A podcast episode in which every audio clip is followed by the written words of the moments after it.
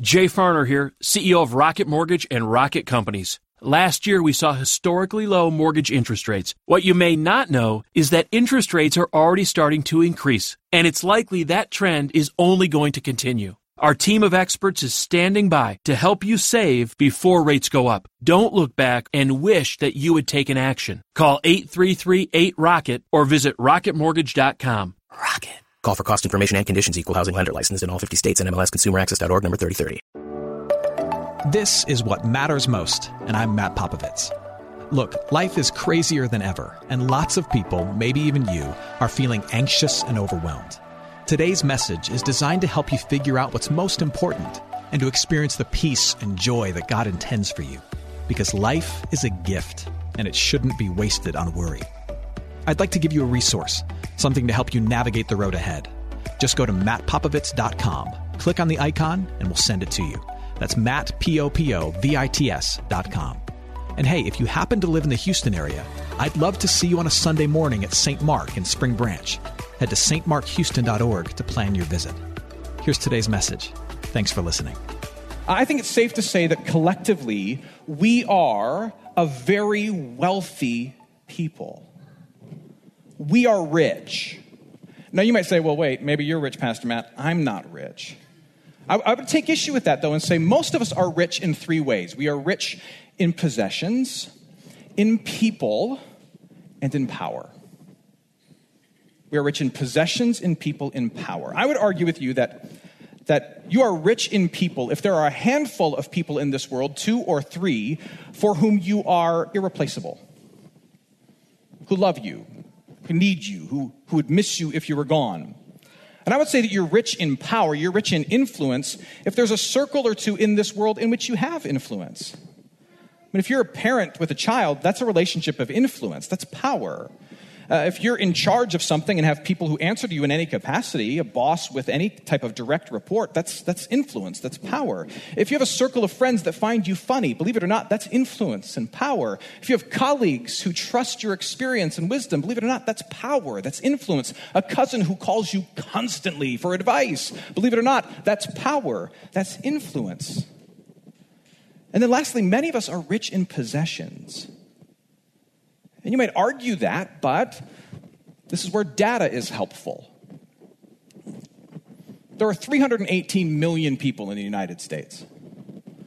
A third of those people, more than 100 million, receive some sort of government assistance, and rightly so. 46 million people in the United States receive some type of food subsidy just to eat, just to have bread on their table. Now, if you're not in that category, then, then that's perhaps a good thing. But my challenge for you to be would be for you to stand in front of a group of fellow New Yorkers, maybe people, fellow people in this church, and make the case to them that you're not rich. Make the case to them that you're not blessed. That'd be a difficult case to make. That'd be an awkward argument to have. And we've talked about this before, but, but if your household income is anywhere near $40,000 a year, you're one of the richest people in the world. If you make anywhere near like $50,000 a year, you're not just in the top 10% or the top 5% or the top 1% or even the top half percent, you're in the top 0.3% of all income in the world. There are 99.97% of the world's 7 billion population has less than you.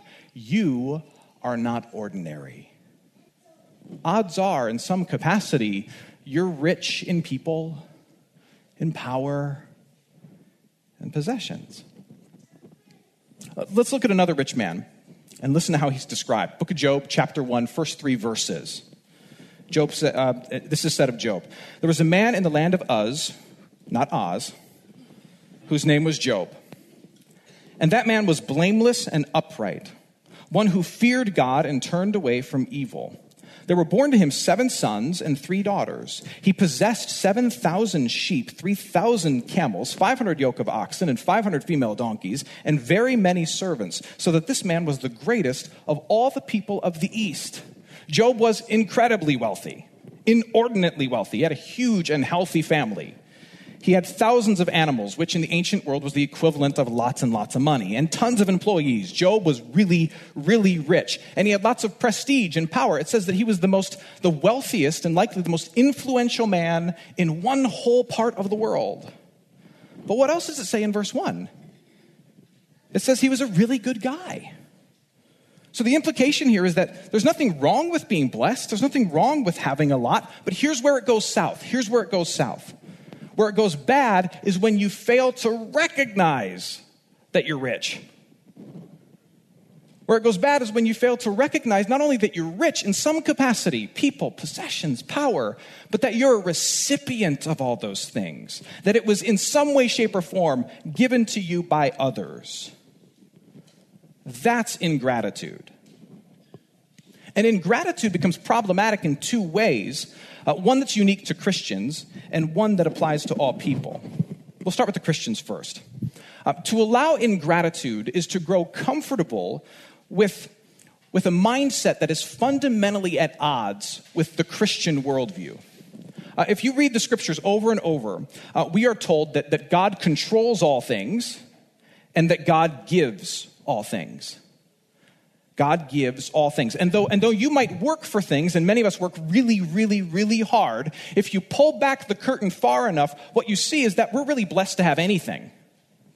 I mean, if God is the giver and God's in control, then we work and we labor and we get. But behind it all is a God who generously allows a broken and a fractured and a sinful and a selfish people to have anything. We're not owed anything. So for a person of faith to take something for granted, or to assume that it will always be there, or to think that they are inherently owed it, is not just to be rude, but for a person of faith is a hypocritical rejection of the reality of God. It's tantamount to unbelief. Because you can't believe that there is a God who owns all things and then a creation, you, who is inherently owed anything. That's why you get warnings like this in the book of Deuteronomy, chapter 8. Beware lest you say in your heart, My power and the might of my hand have gotten me this wealth. You shall remember the Lord your God, for it is he who gives you the power to get. Second, and, and this, is, this is one that applies to all um, ingratitude, not recognizing that you're rich and that it comes from somewhere, uh, leads to two other things things that most everyone will agree are bad for society. These two things that are bad to society that grow if ingratitude is left unchecked are entitlement and greed. But when I, fail to re- when I fail to realize that the possessions I have, even the people and the influence that I've earned, are really a gift given to me in every way, then it's easy for me to assume that these people, these power, and these possessions should always be there, and that I probably deserve more of them. And when I think that things should always be there and that I probably deserve more of them, then, then the result is that things like my work ethic go down. I, I deserve it no matter what. My generosity goes down, belongs to me, not you. And yet my expectations for more go up and up and up. Furthermore, I start to look at other people who don't have as much people or power or possessions as me as somehow less than me. What's wrong with them that they're not like in my league? Or what's special about me that gives me more than them? When I was young, um, my, my friends and I, my brothers, we would wander in the woods behind our farmhouse in Michigan. And every once in a while, uh, deep in the woods, we'd stumble across a stagnant pond. Uh, a stagnant pond is this large, smelly pool of water that's filled with all sorts of bacteria and bugs and toads and green stuff floating on the top that you try to push your friends into. But do you know how one of those ponds is formed? It's formed when, when water is received through rain or through runoff, but water is never let out. It, it just gathers in and it sits and it's soaked and it's never stirred and it gets nasty. Prideful ingratitude, where you think you're owed things or inherently deserve things or will always have things. You're always grabbing things and never giving thanks for things. Prideful ingratitude makes you into a pond of a person. Because you gather things in, yet water in the form of thanksgiving and praise and sharing rarely goes out. And so rather than run clean and clear like the Great Lakes, which give and receive, nasty stuff just starts to grow in you. This is where we should pause for a moment. If we're having this conversation the correct way, we should pause for a moment and confess. We should confess that our hearts very easily become stagnant, proud ponds. That all of us in this room myself included, uh, we forget that we are rich beyond what we deserve and that we are recipients of so much, and we become ripe with ingratitude, and we walk around thinking, but not saying, I earned it. I deserve it. I need just a little more of it. And the only way to quiet that voice and crush that pride is to be re- regularly reminded of who you really are. We must remind our pride. Hey, friends, it's Matt. If you're listening to us in Houston and you're looking for an excellent education in a Christian setting for your student, I'm inviting you to take a tour of St. Mark Lutheran School in Spring Branch. We serve infants through eighth grade with an excellent faculty, brand new facilities, and a faith forward curriculum. To schedule your tour, head to gostmark.org. That's G O S T M A R K dot org to schedule your tour today. St. Mark Lutheran School. It's excellent education for your son, your daughter, your little one. Now, back to today's message. Repeat after me I must remind my pride. Let's do it one more time. I must remind my pride. I must remind my pride of who I really am. You want to know who we really are? Uh, this is something that my time in Texas taught me. This is a, uh, an image I was made familiar with down there. Um, my time in Texas taught me that you and I really, what we really are, we need to remind ourselves of who we really are, we are a turtle on a fence post. You ever seen that image before? You ever heard that phrase? When you see a turtle on a fence post, you only know two things for sure that it didn't get where it is on its own, and it isn't going any further without help. That's you. That's me. You may have a beautiful shell, beautiful shell, really cushy fence post, beautiful beak to snap off little children's fingers but you didn't get where you are on your own, and you can't go any further without help. Do you have a decent job and a comfortable living? That's fantastic. Turtle on a fence post. Do you have family and friends who don't hate your guts and actually enjoying your company? That's wonderful. Turtle on a fence post. Do you have food on the table and a warm bed in the cold months? That's amazing, right? Turtle on a fence post. We are utterly dependent on the hand of God and the goodness of others to be where we are and to get where we're going. And when that is your self image, it is really, really hard to be overcome with pride. Uh, when you look at the Christian life, you see that there's this rhythm that we're called to, a rhythm that helps annihilate our ingratitude. Uh, we remind our pride of who we really are through two things if you're here as a Christian. We remind our pride of who we really are through the reception of grace over and over again and the release of our goods. We remind our pride of who we really are through the reception of grace and the release of goods. Followers of Jesus are called to confess their dependency over and over, to confess our inadequacy over and over, and then receive over and over the goodness and mercy of Jesus, and then to give extravagantly of our of our people and our power and our possessions to others. And why is that? The reason is because it's, it's impossible to feel entitled to blessings, to good things, when you're confessing your sin that you're an undeserving person. And it's really hard to feel self sufficient and greedy when you're giving till it hurts. And in giving till it hurts, you're reminded that we are all being upheld by the generosity of somebody. Go back to Job and listen to how he's described.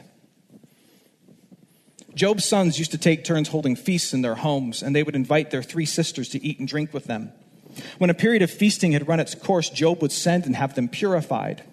Early in the morning, he would sacrifice a burnt offering for each of them, thinking, Perhaps my children have sinned and cursed God in their hearts. This was Job's regular custom. Let me, let me demystify this a little bit for you. What, what, what the text is saying is that Job was a very generous man, and his children learned his generosity. And in turn, they were generous to their siblings and to their friends and inviting them into their homes and they were sharing food for one another. Yet Job was not just generous, he was, he was a spiritual man. In turn, he spent every day praying for himself and praying for his children and offering sacrifices for himself and for his kids, which was the old way of expressing trust in God's mercy. It was a way of reminding himself and reminding his children that we may have a lot, we may give a lot, but we, friends, have been given all of it undeservingly out of the mercy and grace of God. When was the last time that you reflected on how undeserving you are, yet gave thanks for all that you have anyway? You might find this silly, but, but, but that's one of the reasons why Christians, for now hundreds and hundreds of years, have, have prayed before meals. It's not simply so they can show the other people in the restaurant, look how holy I am. I pray over tacos. It's about honesty. It's a moment to say, I don't deserve this, yet I have this and you give me so much more in forgiveness and mercy and grace in Jesus Christ. Thank you. And when was the last time you shared something, anything out of what you have? I'm not just talking a breath mint out of your purse. I'm talking something significant that you felt its absence afterward. And why has it been so long? Now you might say, okay, Matt, why is this important? Well, well, it's important. We have to fight ingratitude because it fights pride, which ruins relationships and suffocates our spirituality. But I would say that more so, the rhythm of receiving grace by giving thanks, confessing our sins, and relishing the love of Jesus, and then releasing our goods, I think very practically, over the course of time, it creates resiliency. Resiliency is the ability to keep going when things fall apart. And let me tell you something that you may not want to hear, but may, you may be knowing yet denying in your own heart. At some point, the gifts you have, at some point, the gifts you have, the people, the power, the possessions that you have, will either be deeply shaken or altogether taken. And if you don't believe me, just wait. Possessions get lost, people pass, power melts away. And let me ask you this what good will believing that you deserve it do you then? What good will de- believing that you own it all do you then? You see, if you believe that you, you are owed the blessings that you have, or that you've earned on your own completely the blessings that you have, then when you no longer have it, it's not just your heart that hurts and your hands are empty, it's your whole world that falls apart. Before the close of chapter 1, we hear this about Job. Job loses everything. Job chapter 1, starting at verse 20. Job arose and tore his robe and shaved his head and fell on the ground and worshiped. And he said, Naked I came from my mother's womb, and naked shall I return. The Lord gave, and the Lord has taken away. Blessed be the name of the Lord. In all this, Job did not sin or charge God with wrong. Job lost his family. They all died. He lost his possessions. They all went away. Everything he had was gone.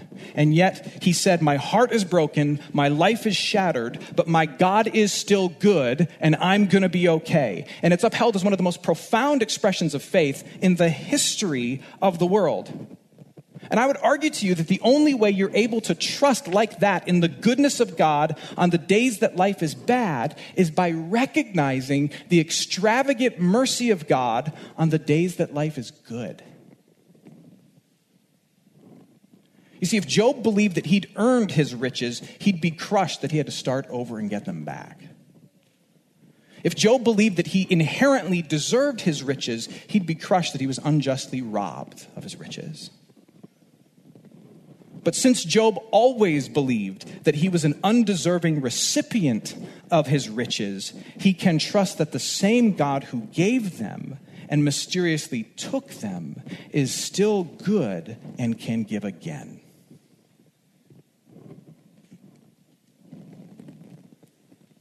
And maybe that's where you are today. Things are gone.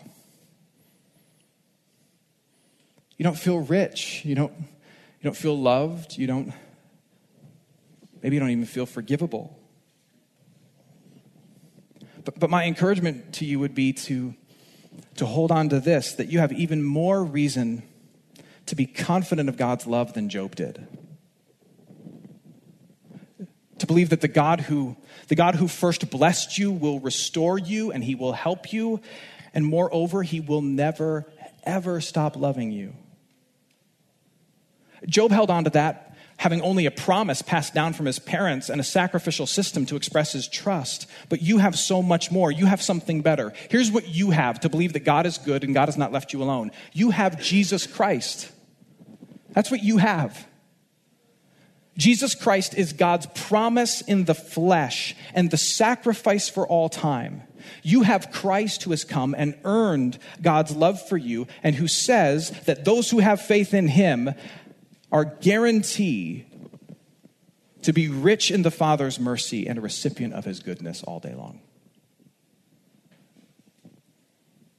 And to prove themselves trustworthy, he rose from the dead like no one else has ever done.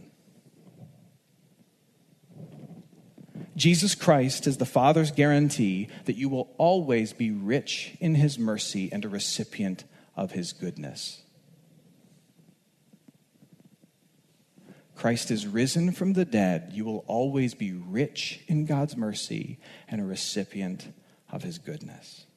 Let me close with this a while back, um, Lisa and I wanted to buy our oldest uh, a piggy bank. And uh, what we do is when, when our children get money, um, uh, especially when they're old enough to kind of understand, when, when they receive any money, like say birthday card from grandma and grandpa, or they find a $1,000 bill on the streets of New York City, we, we, we tell them to enjoy some of it, to save some of it, and to share some of it. Enjoy some of it, share some of it, and, and save some of it. It's a great principle for adults, too. I highly recommend it. And, and so I, I, wanted to search for a piggy bank that, that didn't just have the ability to put money in, but it also had the ability to get money out easily. So it'd be easy for her to remove a few dollars and bring it to church to put in the offering plate or to lend to her dad. Um, because my daughter, if it's anything like this at your house, my daughter has more cash on hand than I do. I didn't want the old school piggy bank where the only way to get something out is what? Is to break it open. And then it's ruined. Some people are like that. They receive all through their life without realizing that the only reason they're so full is because God and others have poured a ton of things in. And the only time these people see themselves rightly, the only time they reach out for grace or they give thanks or they give to others or they praise God, is when they're busted open. They're broken open by tragedy and they learn the hard way what really matters. They're broken open by trouble and they suddenly realize they owe God and the world an apology. Or they're broken open by death, where the things that they were so prideful of for so long are simply split among the survivors. Lord, may I not be that kind of a bank. May we not be that kind of a people. You, my friend, you are a very rich recipient. You are a very rich recipient. And my encouragement to you as the people of faith is to recognize that and to give thanks for it. And when your heart gets cloudy, remind your pride. Remind your pride to receive the grace of Jesus Christ that is yours without end and to share the goods you've been given to others in need. That's how we crush ingratitude. Hey, it's Matt. I hope you enjoyed what matters most. Here's what I need you to know life is a gift, and it shouldn't be wasted on worry. I want to help you figure out what's most important and to experience the peace and joy that God intends for you. So, for more content, you can head to mattpopovits.com. That's Matt, P O P O V I T S.com. There, you can also support this ministry as well as access your free resource, a little something to help you navigate the road ahead. I'd also love to see you on a Sunday morning. If you're in the Houston area, head to stmarkhouston.org to plan your visit. In the meantime, hit me up on Instagram at mpopovits or at facebook.com slash Ministries. Thanks for listening. Now go and hold tight to what matters most.